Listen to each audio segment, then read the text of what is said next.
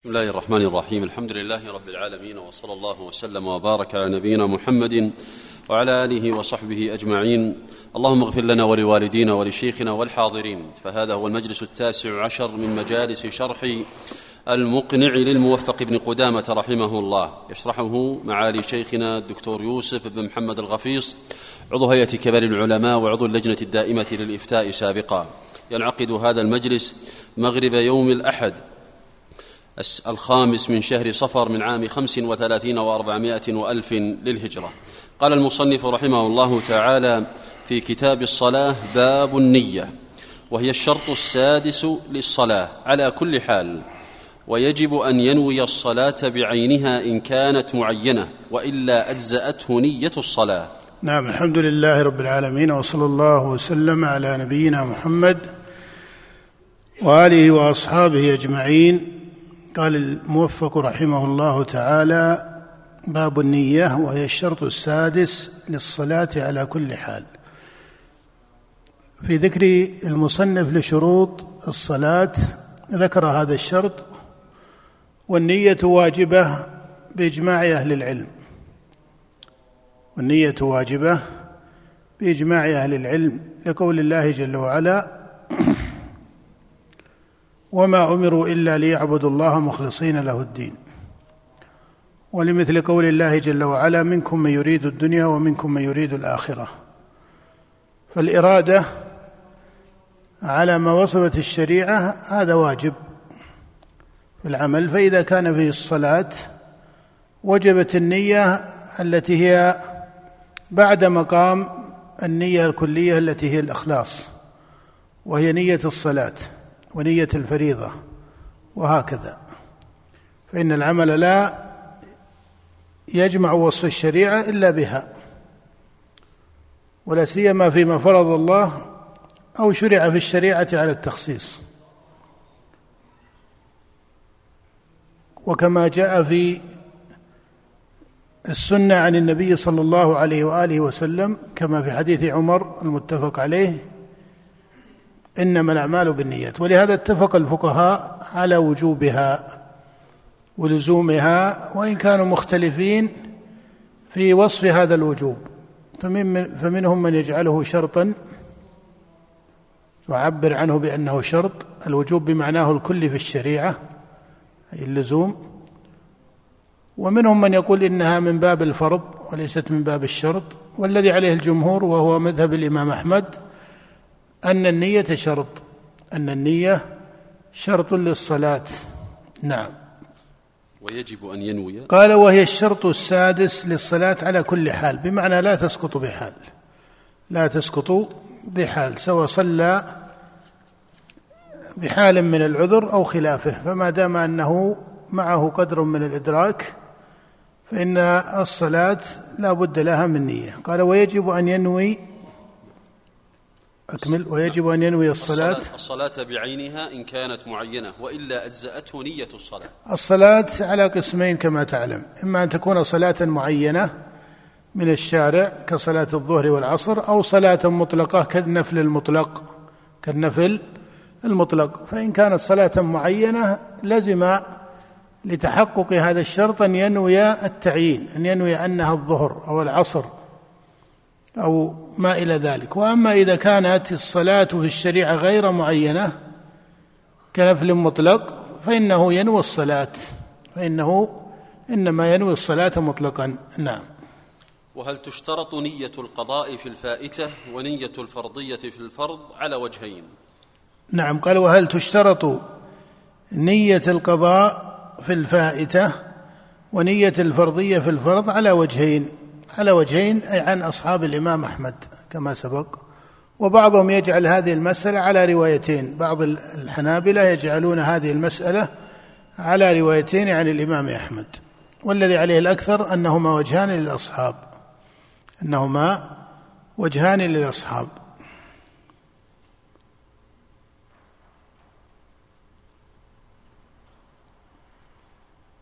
الوجه الأول أنه لا بد من نية القضاء في الفائتة ونية الفريضة أن ينويها فريضة. وهذا هو الراجح هذا هو الراجح حتى تقع العبادة على ما طلب الشارع.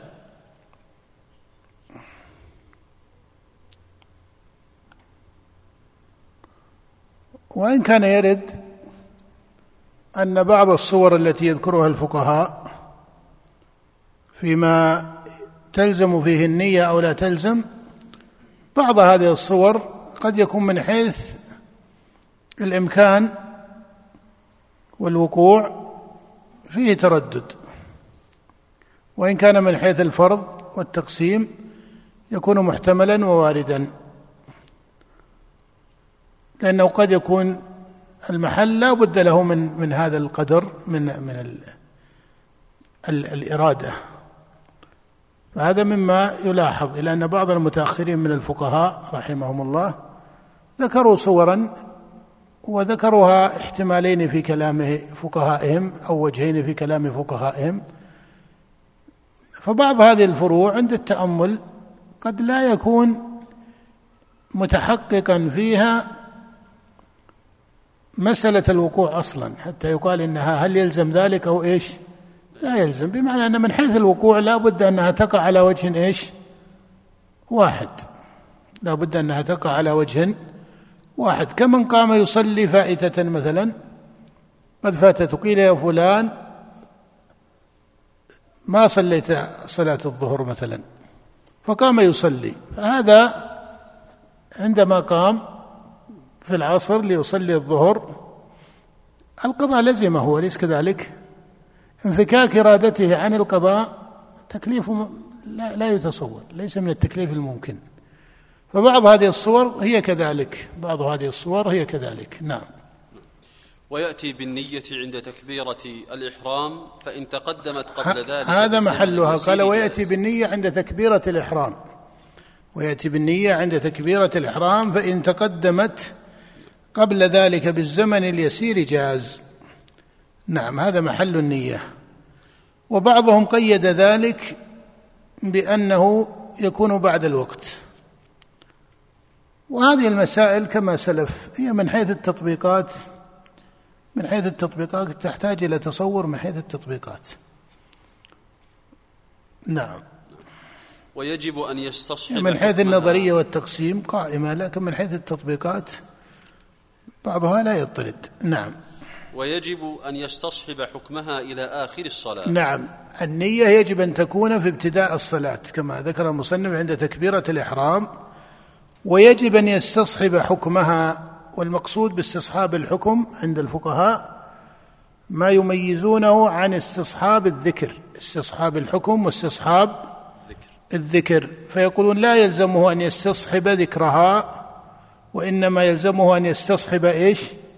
حكمها واستصحاب الحكم بمعنى أنه إذا نوى لا يقطع ولا يتردد. ما الذي ينافي استصحاب الحكم؟ الذي ينافي استصحاب الحكم نية القطع أو إيش؟ أو التردد. نية القطع كما سيأتينا والتردد فيه خلاف. فإذا برئ من نية القطع وبرئ من التردد فيعتبر إيش؟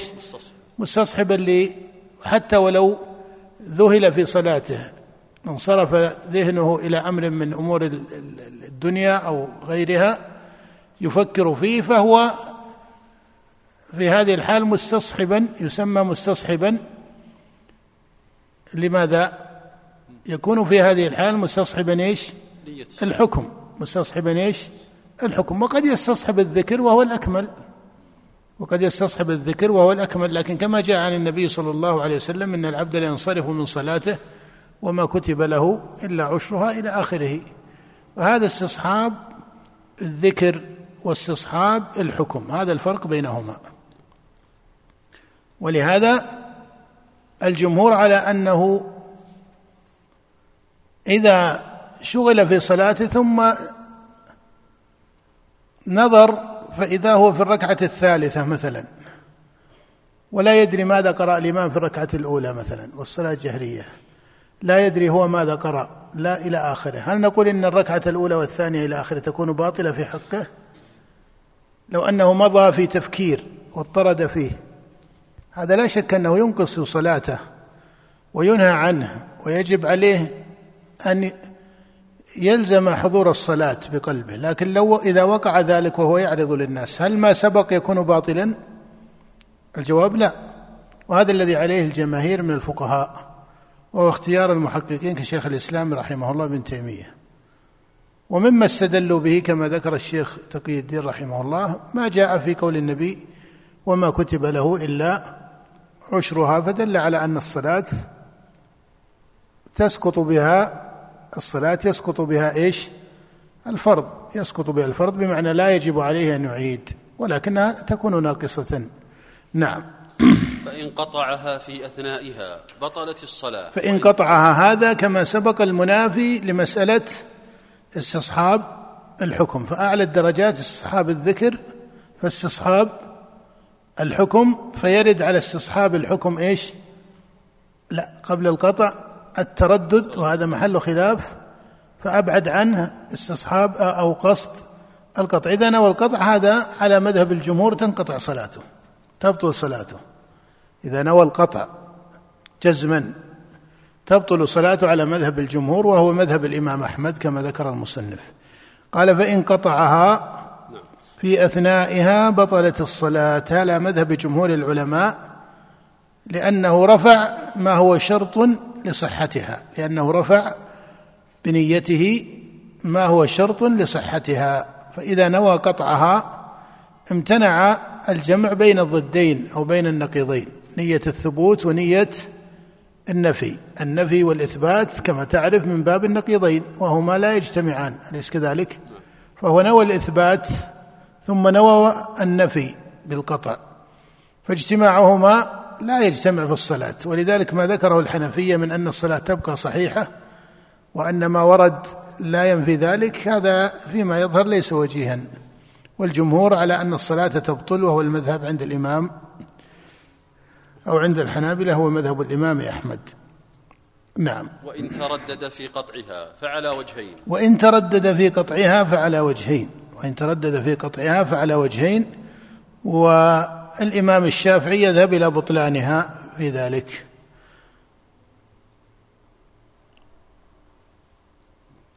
نعم. وإن أحرم والوجه الأول أنها لا تبطل. والوجه الأول أنها لا تبطل. لكن الوجه الثاني وهو مذهب الشافعي أنها تبطل.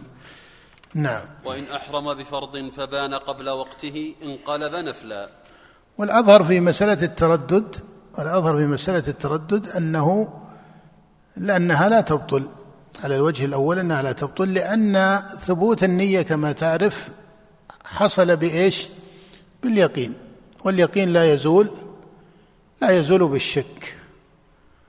والشارع وإن لم يصرح بذكر النية بعينها لكنه ذكر ما هو من شرط الصلاة وطروء التردد عليه وأبان لنا في الحكم أنه لا يؤثر فيه التردد الذي هو الشك.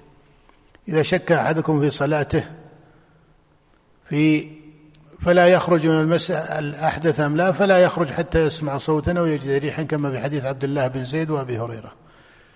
فهذا في شرط من شروطها فكذلك في النية والقاعدة الفقهية أن اليقين لا يزول بالشك. فهذا هو الأشبه بالقواعد والأشبه بالآثار والأشبه بالآثار أنها لا تبطل الصلاة بالتردد ولا سيما أن هذا يغلق باب في إغلاق لباب الوسواس على الناس لأن غالبا التردد ليس هو الأصل أليس كذلك؟ ولا يطرأ التردد في النية إلا على إيش؟ إلا على حالة من الوسواس بل الذي يظهر أن الشارع لما أسقط التردد في الحدث وهو حسي ففي النية من باب إيش؟ في النية من باب إيش؟ أولى لأن تكليفه بقلب نيته على قدر من عدم العزم هذا خلاف الأصل. ولذلك لا يقطع النية إلا إذا أراد الانفصال عن الصلاة لضرورة أو نحو ذلك أليس كذلك؟ وإلا الأصل أن الإنسان تكليفه بقطع النية وهو لا يزال مقبلا بوجهه في صلاته هذا كأنه من باب الجمع بين المتمانعات والمتضادات. فهذا فيما يظهر أولى مما يدل على أنه لا حقيقة له. نعم. وإن أحرم بفرض فبان قبل وقته انقلب نفلا. انقلب نفلا على الصحيح. إن أحرم بفرض انقلب نفلا. وقيل لا يصح. وقيل لا يصح. والراجح أنها صلاة صحيحة فتنصرف نفلا. نعم. وإن أحرم به في وقته ثم قلبه نفلا جاز. وإن أحرم بفرض في وقته ثم قبل قلبه نفلا جاز. ولكن هذا على خلاف المشروع إلا إذا قام له سبب راجح إلا إذا قام له سبب راجح. كما لو أحرم بالصلاة وحده ثم أقيمت الصلاة جماعة ثم أقيمت الصلاة جماعة فقلبه نفلا وأراد أن يصلي معهم جماعة فهذا سبب مشروع. أما إذا قلبه نفلا لغير ذلك إن قلبه نفلا لغير ذلك فهذا خلاف المشروع. وقد يكره وقد يحرم. وقد يكره وقد وقد يحرم. فلو أنه أحرم بفرض ثم أراد قلبه نفلا ليستعجل أمرا من أمور الدنيا التي لا ضرورة له بها. لا ضرورة له بها. فهذا مما يحرم لأنه منافي لتوقير العبادة والفريضة. فهذا لا ينتقل عن هذا إلا لمقصد شرعي وما عداه فإما أن يكون مكروها وإما أن يكون محرما بحسب الدرجة من الباعث. فإن كان الباعث منافيا لمقام العبادة منافاة بينة حرم وإن كان دون ذلك كره. نعم. يعني لو صف الفريضة لو صف في فريضة يصلي في مزرعة مثلا. ثم جاء ضيوف يعرفون المزرعة ويعرف يعني ما معهم ما عليهم خاطر أو خطر أنهم يضيعون ولا يفقدهم. بس من باب الوجاهة أحب أنه إيش؟ وجاهة فقط. أحب أنه يستقبلهم. فاختصر الصلاة ما دام أنه في الركعة الثانية الآن ويصلي العشاء في الركعة الثانية قال بخليها سنة وسلم. أرفع من السجود وتشهد التشهد الأول أخلي التشهد الأخير وسلم. من يوم وقفوا وأقبلوا بسياراتهم. هذا باعث منافي لتوقير العبادة ولا ما هو منافي؟ منافي لتوقير العبادة. هذا ما يجوز. هذا حرام. لكن لو فرض أن مسكينا عرض فرق لحاله وقال لعلي أقلبها نافلة وألحق المسكين أتصدق عليه قبل أن ينصرف. ها؟ طرق بيته وهو يصلي ما صلى في المسجد لسبب أو لغيره من الأعذار فطرق بابه مسكين فأراد أن يختصر يقلبها نافلة حتى لا يفوت هذا المسكين الذي يتصدق عليه. هذا باعث مختلف أليس كذلك؟ فإذا إذا كان الباعث شرعيا صح وجاز من حيث الحكم التكليفي أبيح ذلك. وأما إذا كان الباعث ليس كذلك فهو درجتان إما أن يكون تكون منافاته للعبادة منافاة بينة فهذا يحرم. وإذا كانت منافاته ليست كذلك كره. نعم. ويحتمل ألا يجوز إلا لعذر مثل أن يحرم منفردا ثم يريد الصلاة في جماعة. وإن انتقل من فرض إلى فرض بطلت الصلاتان إذا انتقل من فرض إلى فرض بطلت الصلاتان. لأن الأولى قطعت نيتها والثانية لم يبتدأ بها. فلو كان يصلي بنية العصر فذكر صلاة أنه نسي صلاة الظهر فقطع نية العصر وقلبها أثناء الصلاة ظهرا ما صحت لأن النية لم توجد في جملة العبادتين ولأن صلاة الظهر أصبحت الآن ركعتين وصلاة العصر أصبحت إيش؟ مقسومة حتى من حيث الهيئة والماهية الفعلية لم لم تنتظم صلاة مكتملة. نعم. ومن شرط الجماعة أن ينوي الإمام والمأموم حالهما. ومن شرط الجماعة أن ينوي الإمام والمأموم حالهما. أن ينوي الإمام والمأموم حالهما.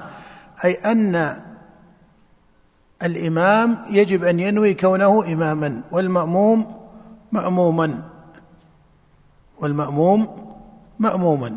حتى تقوم الجماعة. لا بد في الجماعة من إمام ومأموم. فلو تخلف هذا المعنى عند الإمام وعند المأموم ما صحت.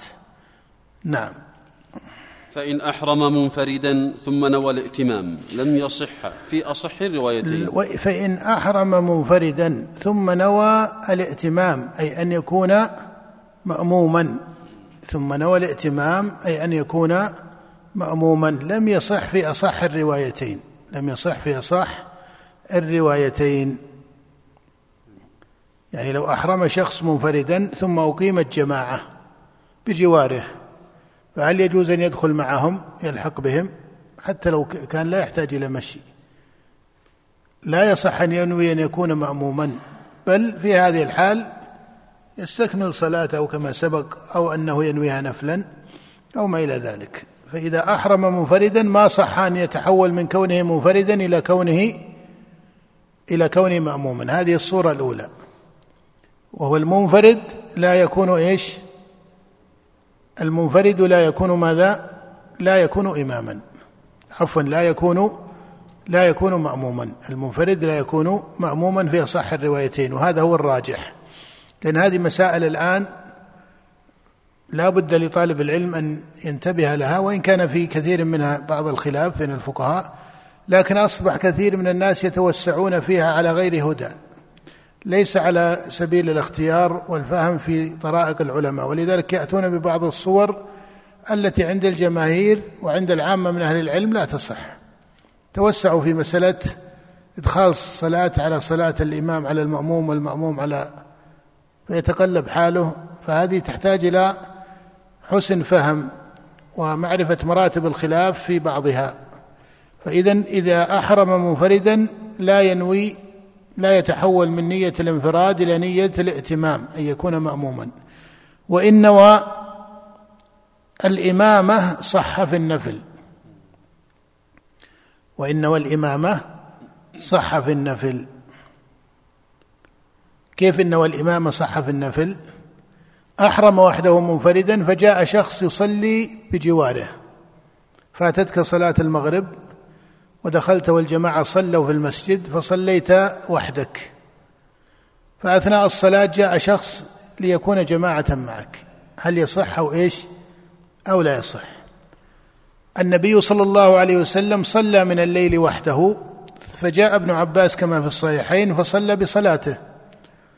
أليس كذلك؟ فصلى بصلاته وهو لم يدخل معه أول الصلاة.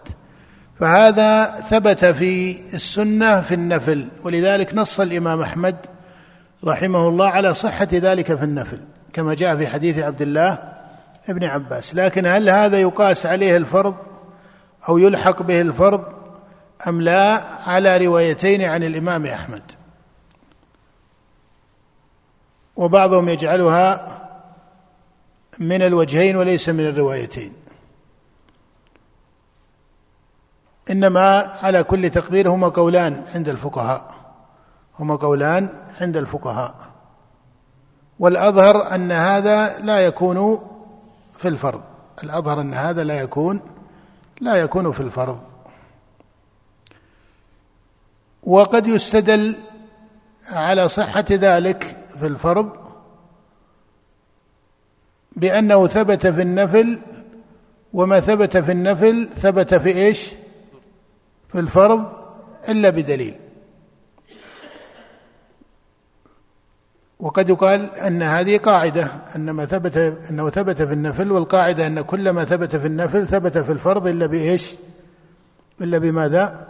إلا بدليل والتحقيق أن هذه ليست قاعدة وإنما هذا ضابط فقهي أو قاعدة على معنى إضافي ليست قاعدة بمعنى القاعدة الكلية التي أجمع عليها أو العامة من أهل العلم أو حتى الجماهير أصلوها ورأوا طردها. هذا ضابط فقهي.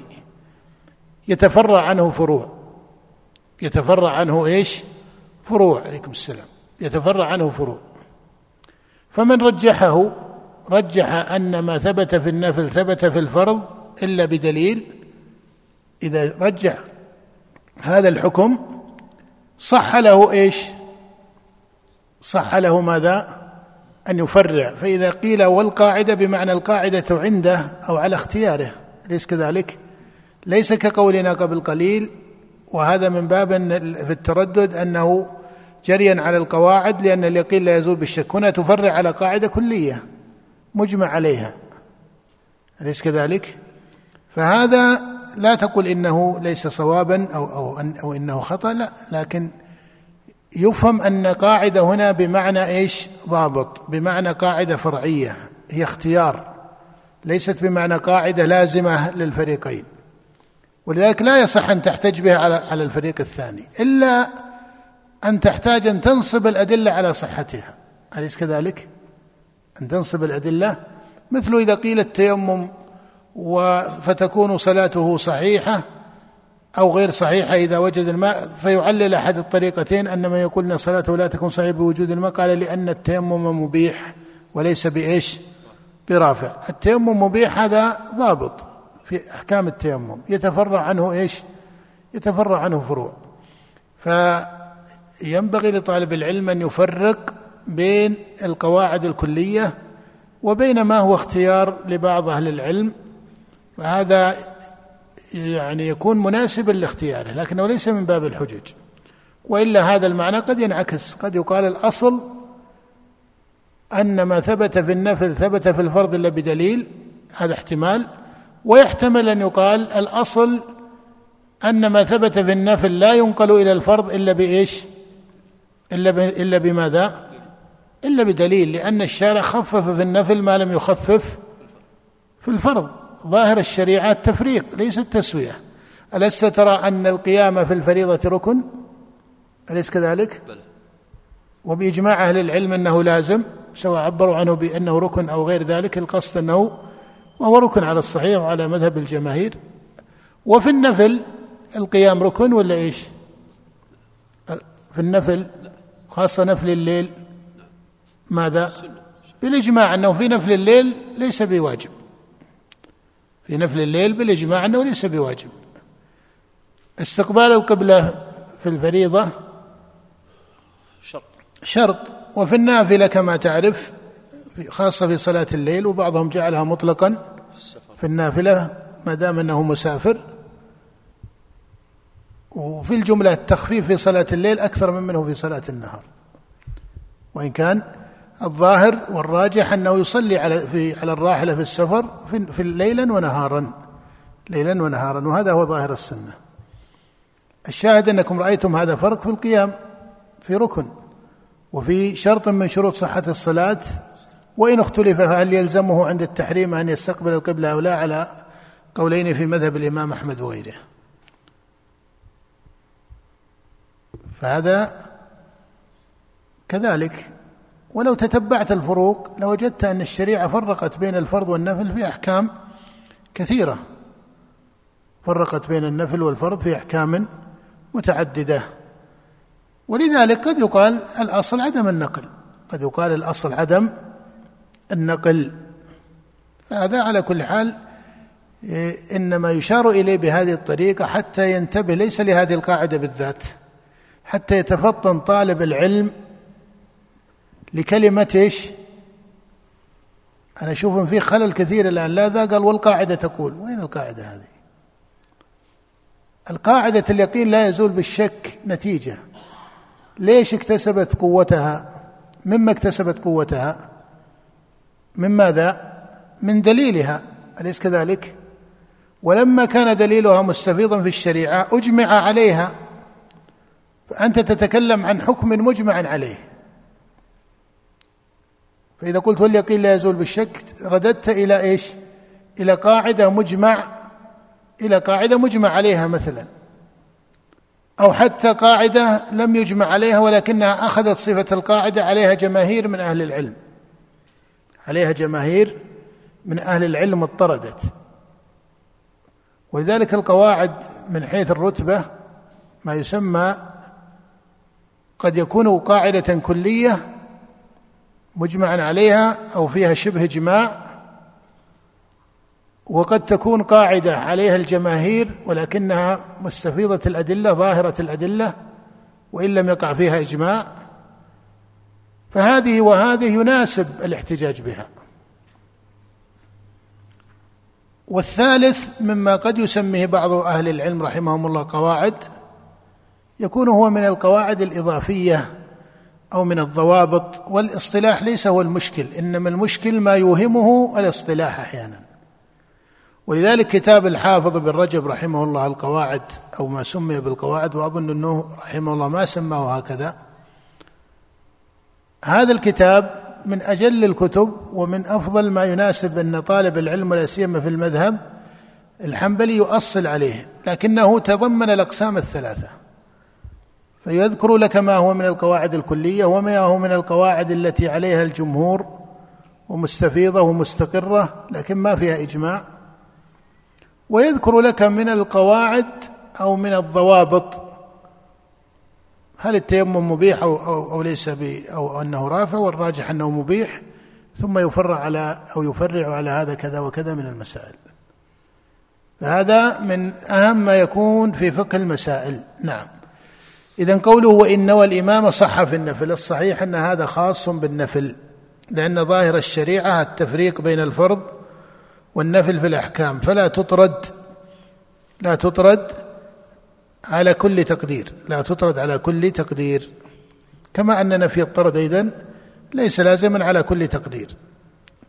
ولذلك ولذلك من حيث النظر يمكن أن تكون المسألة على ثلاثة أوجه أن يقال الأصل أن ما ثبت في النفل ثبت في الفرض إلا بدليل. ويحتمل ويحتمل إيش؟ القول بأن الشريعة فرقت بين النفل والفرض. هذا محتمل من ما سبق الإشارة إليه. ويحتمل أن يقال لا أصل في هذا وإنما كل مسألة معينة يراد إلحاقها ينظر إلى مناسبتها للفرق أو مناسبتها لإيش؟ للجمع لأنه ظاهر من الشريعة أنها جمعت في مسائل بين الفرض والنفل أليس كذلك؟ ظاهر من الشريعة أنها جمعت في مسائل وظاهر من الشريعة أنها إيش؟ فرقت في مسائل كالقيام واستقبال القبلة لمن كان على الراحلة ونحو ذلك. فلما ثبت الجمع والفرق في الشريعة بالإجماع أليس كذلك؟ ثبت الفرق والجمع من باب أولى. بالنص والإجماع لم يلزم أن يقال إن هذا هو أطرد الأصلين وإنما كل مسألة تلحق بالأشبه. هل هي أشبه بمسائل الجمع وإلا أشبه بمسائل الفرق؟ وهذا الذي يظهر لي أنه يناسب هذا الذي يظهر أنه يناسب حتى لا يلزم أن يقال إنه إن لم نقل بهذه القاعدة الأصل ان ما ثبت في النفل ثبت في الفرض إن لم نقل بها لزمنا أن نقول بإيش؟ بماذا؟ بمقابلها لا ولا يلزم أن تكون بمقابلها مع أن المقابل محتمل لكن الراجح أن يقال الشريعة بالنص والإجماع حفظ فيها الجمع والفرق ففي مسائل الاحتمال تلحق بالأشبه. وهذا على كل حال الإلحاق بالأشباه وجه من الاجتهاد كما ترى والأظهر في هذا أنه يختص بالنفل وحده. وأن المنفرد لا يكون إماما المنفرد لا يكون إماما. نعم. وإن والإمامة صح في النفل ولم يصح في الفرض ويحتمل أن يصح وهو أصح عندي هذا ترجيح الموفق وهو خلاف المشهور من المذهب. هذا ترجيح الموفق رحمه الله وهو خلاف المشهور من المذهب. نعم. فإن أحرم مأموما ثم نوى الانفراد لعذر جاز وإن كان لغير عذر لم يجز في إحدى الروايتين. عاد فإن أحرم. نعم. وإن نوى الإمام نعم. فإن فإن أحرم مأموما. فإن أحرم مأموما ثم نوى الانفراد لعذر جاز وإن نعم كان لغير عذر لم يجز في إحدى الروايتين. نعم. هذا إن نوى الإمام أن إن أحرم مأموما ثم نوى الانفراد لعذر جاز. كما جاء في حديث جابر بن عبد الله. كما جاء في حديث جابر بن عبد الله المتفق عليه أن جابرا أن معاذا صلى مع النبي فأتى قومه فافتتح سورة البقرة فانصرف رجل من القوم فصلى وحده وقال لآتين النبي صلى الله عليه وسلم وما رد النبي عليه الصلاة والسلام من أمره شيء ولا ذكر له بطلان الصلاة. فهذا إذا كان ثمة عذر جاز له ذلك. إذا كان ثمة عذر جاز له ذلك مع أنه خلاف الأصل لا شك. خلاف الأصل لا شك لكن قد ينتاب الإنسان من العذر ما يكون كذلك. مثل لو أحس بشيء من العجز خاصة من عندهم بعض الأمراض من عندهم بعض الأمراض. فهذا كما تعرف يصح له إن كان قائما أن أن يقعد أو ما إلى ذلك. لكن إن قال إنه حتى القعود لا يكفيه هو بحاجة إلى أن يقعد وإلى أن يستعجل أمره وإلا يخشى على نفسه من ضرر أبلغ كأن يكون مثلا مريض ويحتاج إلى أكل دواء أو أكل شيء يعدل معدل السكر عنده أو ما إلى ذلك. صار عنده انخفاض في السكر مثلا. ما يكفي مسألة أن تقول له إيش؟ أن تقول له اجلس. فهذا هو أدرى بنفسه. الشريعة كما تعرف جاءت برفع الضرر. فإن كان يندفع ما عرض له بقعود ونحوه ما تعداه. لكن إن كان يخشى على نفسه من صار مظنة الضرر صح له أن يترخص بالقعود عن القيام كما قال النبي لعمران بن الحسين وصح له كذلك أن يستعجل صلاته أن يستعجل صلاته. لو دخل ثم أصابه ما أصابه من اللأواء فصار مظنة الضرر عليه. وهذا أحيانا بعض الناس يقاوم حتى يصبح لا يدري ما هي الصلاة وقد يتضرر. فهذا على قدر الضرورة على قدر الضرورة يقدر أمره بقدرها. نعم. وإن كان ومثل إنسان مثلا في المطارات أحيانا في المطارات نودي على رحلته مثلا وخشي أنها تغلق وقد يكون معه نساء الآن ركبوا الطيارة يسافر إلى بلد وخاصة بلاد أحيانا يعني تجي هذه الحالات في حالات الحج. في حالات الحج. تجد النساء ومن يقول هذا جاي من مصر ولا جاي من بلد ما؟ فيقول بصلي. هم من يجي يصف بهم أحد يطول الصلاة. وهذا خطأ. أيها الناس إن منكم منفرين فأيكم أما الناس فليوجز. المحل هنا يجب حفظ قدر الصلاة فيه لا شك. وعدم الاستعجال بما يخل بآداب الصلاة فضلا عن شروطها وأركانها وواجباتها لكن مراعاة الناس لا بد منها. ما يجي واحد باقي على رحلته ساعتين ومن ينصب نفسه يتقدم ويطول. وهذا أنا شفت أنه يقع أحيانا بالمطارات خاصة في مواسم الحج. يجي يجتهد بعض الناس اللي فيهم خير ومن يتقدم ومن يفتتح سورة طويلة. ما يحق له. هكذا والناس الآن رحلاتهم النداء الأخير النداء الأخير. صح ولا لا؟ كونك أنت يعني باقي على رحلك ما تدري اللي خلفك هذا قد يكون الآن معه امرأة ركبت الطائرة. قد يكون هذا جاي من بلد بعيد. فلو حصل مثل هذا وأدى إلى الضرر في مثل هذه الصورة أنه يغلق عنه الذهاب تعرفون ذي مطارات إذا أغلقت أغلقت. فإذا كان وصل إلى الضرر أنه يغلق عنه ومحارمه ونساؤه في الطائرة الآن فهذا يجوز له أن إيش؟ أن يصلي وحده لأن حاله شبيهة بحال الرجل الذي لما افتتح معاذ سورة البقرة إيش؟ انحرف. ما كان رجلا مريضا. ما كان رجلا مريضا. وإنما كان ولا شك لا بد له من حاجة بالغة. ولكن هذا أيضا يضبط لا يكون لأدنى الحاجات. لا يكون لإيش؟ لأدنى الحاجات. إنسان يقول الله عندي موعد معزوم الآن ها؟ وطول الإمام بصلي وحدي ولا ما عاد الرجال ولا ما عاد لا هذا ما يجوز. لكن إذا كان من عدم قطعه أو عدم تحوله وحده منفردا ما نقول قطع تحول من عدم كونه وحده يقع ضرر الشريعة رفعته. فهذا يقدر في مثل هذه العوارض كحال المرض وحال السفر إذا كان معه محارم أو نحو ذلك. وإن كان كلمة محارم لا يلزم منها بالضرورة القطع بنفي ما عداها إنما هي مسائل محتملة للبحث والنظر وتحتاج إلى ضبط لا يصح فيها سرعة الإطلاق. نعم. قال فإن أحرم مأموما ثم نوى الانفراد لعذر جاز. إذا العذر هذا كما قرره الفقهاء ما دعت الشريعة إلى رفعه. نعم. وإن نوى الإمامة لاستخلاف لاستخلاف الإمام له إذا سبقه الحدث صح في ظاهر المذهب. وإن كان لغير عذر وإن كان لغير عذر لم يجز في إحدى الروايتين. وهذا هو الراجح أنه إن كان لغير عذر لم يصح.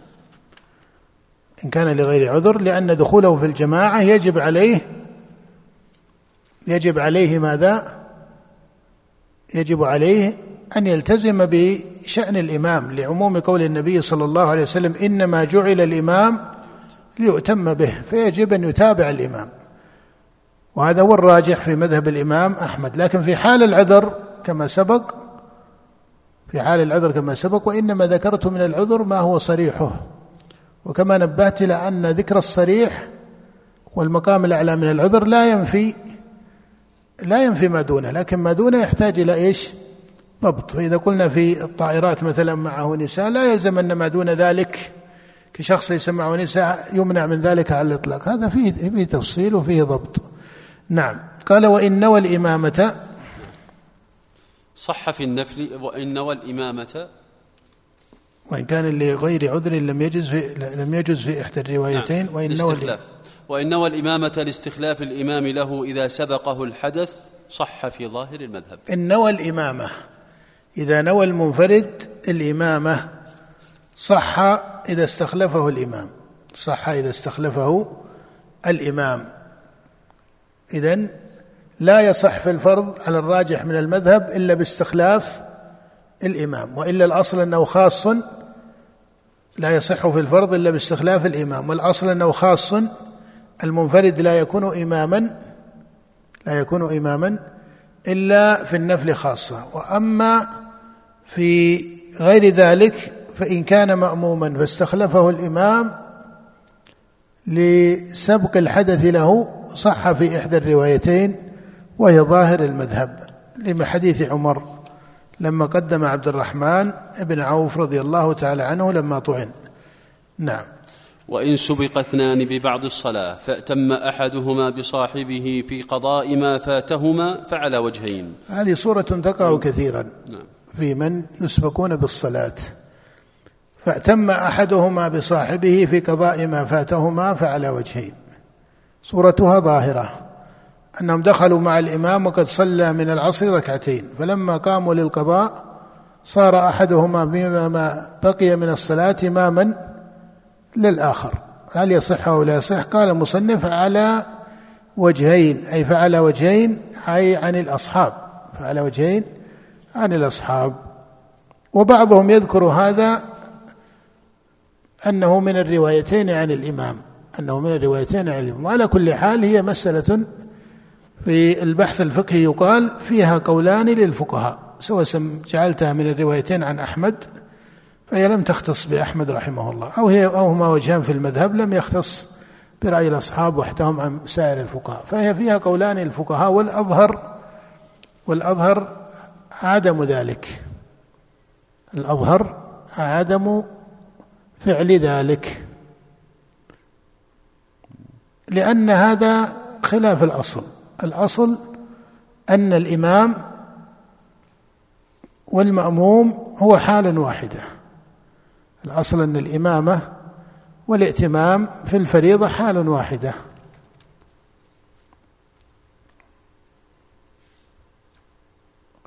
فلا يخرج عن هذا إلا في الصور التي ورد بها النص خاصة كما في مسألة النفل كما سبق. ومما يقوي هذا الأصل وإن كان ليس أصلا مضطردا أو كليا لكنه أصل مرجح مما يقويه أن هذه الحال تقع زمن الصحابة ولا بد أليس كذلك؟ وإن كان وقوعها في زمنهم أقل منه في زمننا لحرصهم على المبادرة إلى الصلاة لكنها تقع لكنها إيش تقع كترتيب حسي لا بد أنها تقع. ما ما يصح أن يقال أنها لا تقع في زمن الصحابة. لأن النبي صلى الله عليه وسلم كان إذا رآهم قد اجتمعوا عجل وإذا رآهم قد أبطأوا أخر والناس يأتون إلى المسجد من بيوتهم. فهذا في الأمر الحسي لا بد أنه يقع. مهما بادر الناس تقع حالات على خلاف ذلك. فهذا يعلم أنه يقع زمن النبي صلى الله عليه وسلم ومن باب وبعده في زمن الصحابة رضي الله تعالى عنهم. لكن الشاهد في زمن النبوة ما نقل أنه كان الرجل إذا بقي له في صلاته بقية صلى أحدهما بصاحبه ممن فاتتهم الصلاة. مع أن هذا يتردد ويعرض لهم وربما يكثر أحيانا من حيث الأفراد وإن كان ليس من حيث العموم. ومع ذلك ما نقل أن هذا يقع بينهم في زمن النبوة. فهذا مما يقوي أن ذلك يترك وأن من فاتته الصلاة فقام يقضي بعض ما فاته فقام يقضي بعض ما فاته يصلي وحده. وما أرشد النبي لما ذكر أحاديث القضاء كحديث أبي قتادة وغيره فما أدركتم فصلوا وما فاتكم فاقضوا ما أرشد في صفة القضاء إلى مثل هذا مع أنه ذكر ما هو من الآداب في القضاء أليس كذلك؟ ذكر ما هو من الآداب كترك العجلة ونحو ذلك. فهذا فيما يظهر لا يفعل هذا فيما يظهر لا يفعل. وعليه من الصور التي تقع عند الناس تكثر في المساجد صورتان تبين لنا الراجح في الحكم فيها وإن كان فيها مادة من الخلاف. الصورة الأولى أن من أحرم منفردا لا يصلي لا يكون إماما في الفريضة إذا أحرم منفردا. والصورة الثانية أنه إذا قام للقضاء لا يصلي أحدهما بصاحبه بل يقضي كل واحد وحده. وإن كان الخلاف في المسألة الأولى أقوى من الخلاف فيما يظهر لي في المسألة الثانية. الثانية فيما يظهر بين أنها لا تفعل اللي هي حال القضاء. أن يصلي أحدهما بصاحبه حال القضاء هذه ظاهر في زمن الصدر الأول انها ما كانت تفعل في زمن النبوة. لأنه ما نقل ذلك مع كثرة وقوع هذا المقتضي. أما الصورة الثانية فهي أكثر احتمالا وإن كان الراجح أنها لا تكون كذلك. نعم. وإن كان لغير عذر لم يصح. وإن أحرم إماما لغي لغيبة إمام الحي ثم حضر في أثناء الصلاة. ثم حضر أي إمام الحي. يقصد الفقهاء بإمام الحي الإمام المنتظم للصلاة مثل ما نقول الآن الإمام الرسمي للمسجد. الإمام المنتظم للصلاة الذي انضبط أنه إمام بصفة أنه إمام هذا المسجد. هذا المقصود بإمام الحي. نعم. وإن أحرم إماما لغيبة إمام الحي ثم حضر في أثناء الصلاة فأحرم بهم وبنى على صلاة خليفته وصار الإمام مأموما فهل يصح على وجهين؟ نعم. أحرم تقدم ما جاء إمام الحي الإمام الراتب. أما غير الإمام الحي ما يصح لكن إمام الحي اللي هو الإمام الراتب ما حضر فتقدم أحد يصلي من الجماعة. ثم حضر إمام الحي. هل يجوز أن إمام الحي هنا يتقدم فيستكمل بهم الإمامة ويصلي لهم ويكون الإمام الأول يرجع مأموما؟ هذا كما قال المصنف على وجهين والراجح أن هذا لا يصح. وأن ما وقع في السنة خاص بالنبي صلى الله عليه وسلم. وإلا جاء في حديث سهل بن سعد رضي الله تعالى عنه ذلك. لكن هذا خاص بالنبي صلى الله عليه وسلم. هذا خاص بالنبي صلى الله عليه وسلم. وإلا هو جاء في حديث سهل بن سعد لما ذهب النبي صلى الله عليه وسلم إلى بني عمرو بن عوف فجاء بلال رضي الله تعالى عنه إلى أبي بكر فقال أتصلي بالناس وأقيم؟ فقال النبي نعم إن شئت. فقال النبي نعم إن شئت. فتقدم أبو بكر إماما قال بلال لأبي بكر أتصلي بالناس واقيم قال نعم شئت. فقام أبو بكر إماما ثم جاء النبي صلى الله عليه وسلم فتأخر أبو بكر فأشار إليه النبي صلى الله عليه وسلم فتقدم النبي صلى الله عليه وسلم وصلى ولكن هذه الحال وكذلك ما كان في مرض النبي صلى الله عليه وسلم من الأحوال كل هذا فيما يظهر خاص بالنبي صلى الله عليه وسلم خاص بالنبي عليه الصلاة والسلام لا يكون لغيره. فإن قيل ما الدليل على الخصوصية؟ قيل هي صفة خاصة هي صفة خاصة وأحيانا يتكلف في مسألة المطالبة بالدليل على الخصوصية. ما دلت الشواهد على عدم الخصوصية فيه هو الذي يطلب فيه دليل دليل إيش؟ مخصص. لكن هذا ظاهر أنه على خلاف الأصل. الدليل يحتاجه من يقول إن هذا ليس خاصا. لأنه إيش المعنى؟ إذا قام إمام ثم دخل إمام قبله تقلب الصلاة هذا لا يكون إلا إلا خاصا لصاحب النبوة ولمن جعله الله هديا وقدوه على الإطلاق. لكن الناس من بعده يتفاضلون. أليس كذلك؟ فهذا لا شك أنه ولهذا ما نقل أن الصحابة رضي الله عنهم مع ما يقع من العوارض ما نقل أن الصدر الأول كانوا يفعلون ذلك مع كبار الصحابة فضلا عن من دونهم. فهذا لا شك أنه خاص فيما يظهر خاص بالنبي عليه الصلاة والسلام وما يقلب إمام إلى مأموم في مثل هذه الحال إلا ما كان حالا لرسول الله صلى الله عليه وسلم لأن الناس له قدوة في كل شأنهم ويجب عليهم أن يقتدوا به. ومع ذلك صلى عليه الصلاة والسلام مؤتما بأبي بكر في بعض الحال. صلى مؤتما بأبي بكر في بعض الحال. هذا هدي وهذا هدي والثاني أو عفوا الأول الأول خاص بالنبي عليه الصلاة والسلام.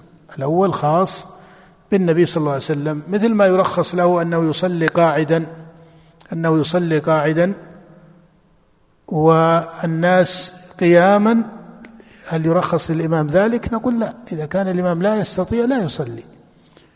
وأما ما فعله النبي عليه الصلاة والسلام فهو خاص به. إذا كان الإمام عاجزا عن القيام لا يتقدم. وأما ما وقع من النبي فهذا خاص به لإمامته ونبوته ورسالته والناس يجب عليهم أن يقتدوا به. ولا يليق ولا يصح شرعا ولا فطرة أن, يتخ... أن... أن... أن أن يتقدموا بين يدي نبيهم عليه الصلاة والسلام. أما الناس من بعده فليس لهم هذه الصفة. فليس لهم هذه الصفة. نقف عند قول المصنف فصل أو فصول في آداب المشي إلى الصلاة. نعم. مسائل آداب المشي هي التي بقيت. نعم ثم نعلق عليها في كلام الشارح ثم بعد ذلك ننتقل إلى صفة الصلاة. بقي علينا في مسائل الآداب بعض المسائل وبعدها صفة الصلاة بالله التوفيق.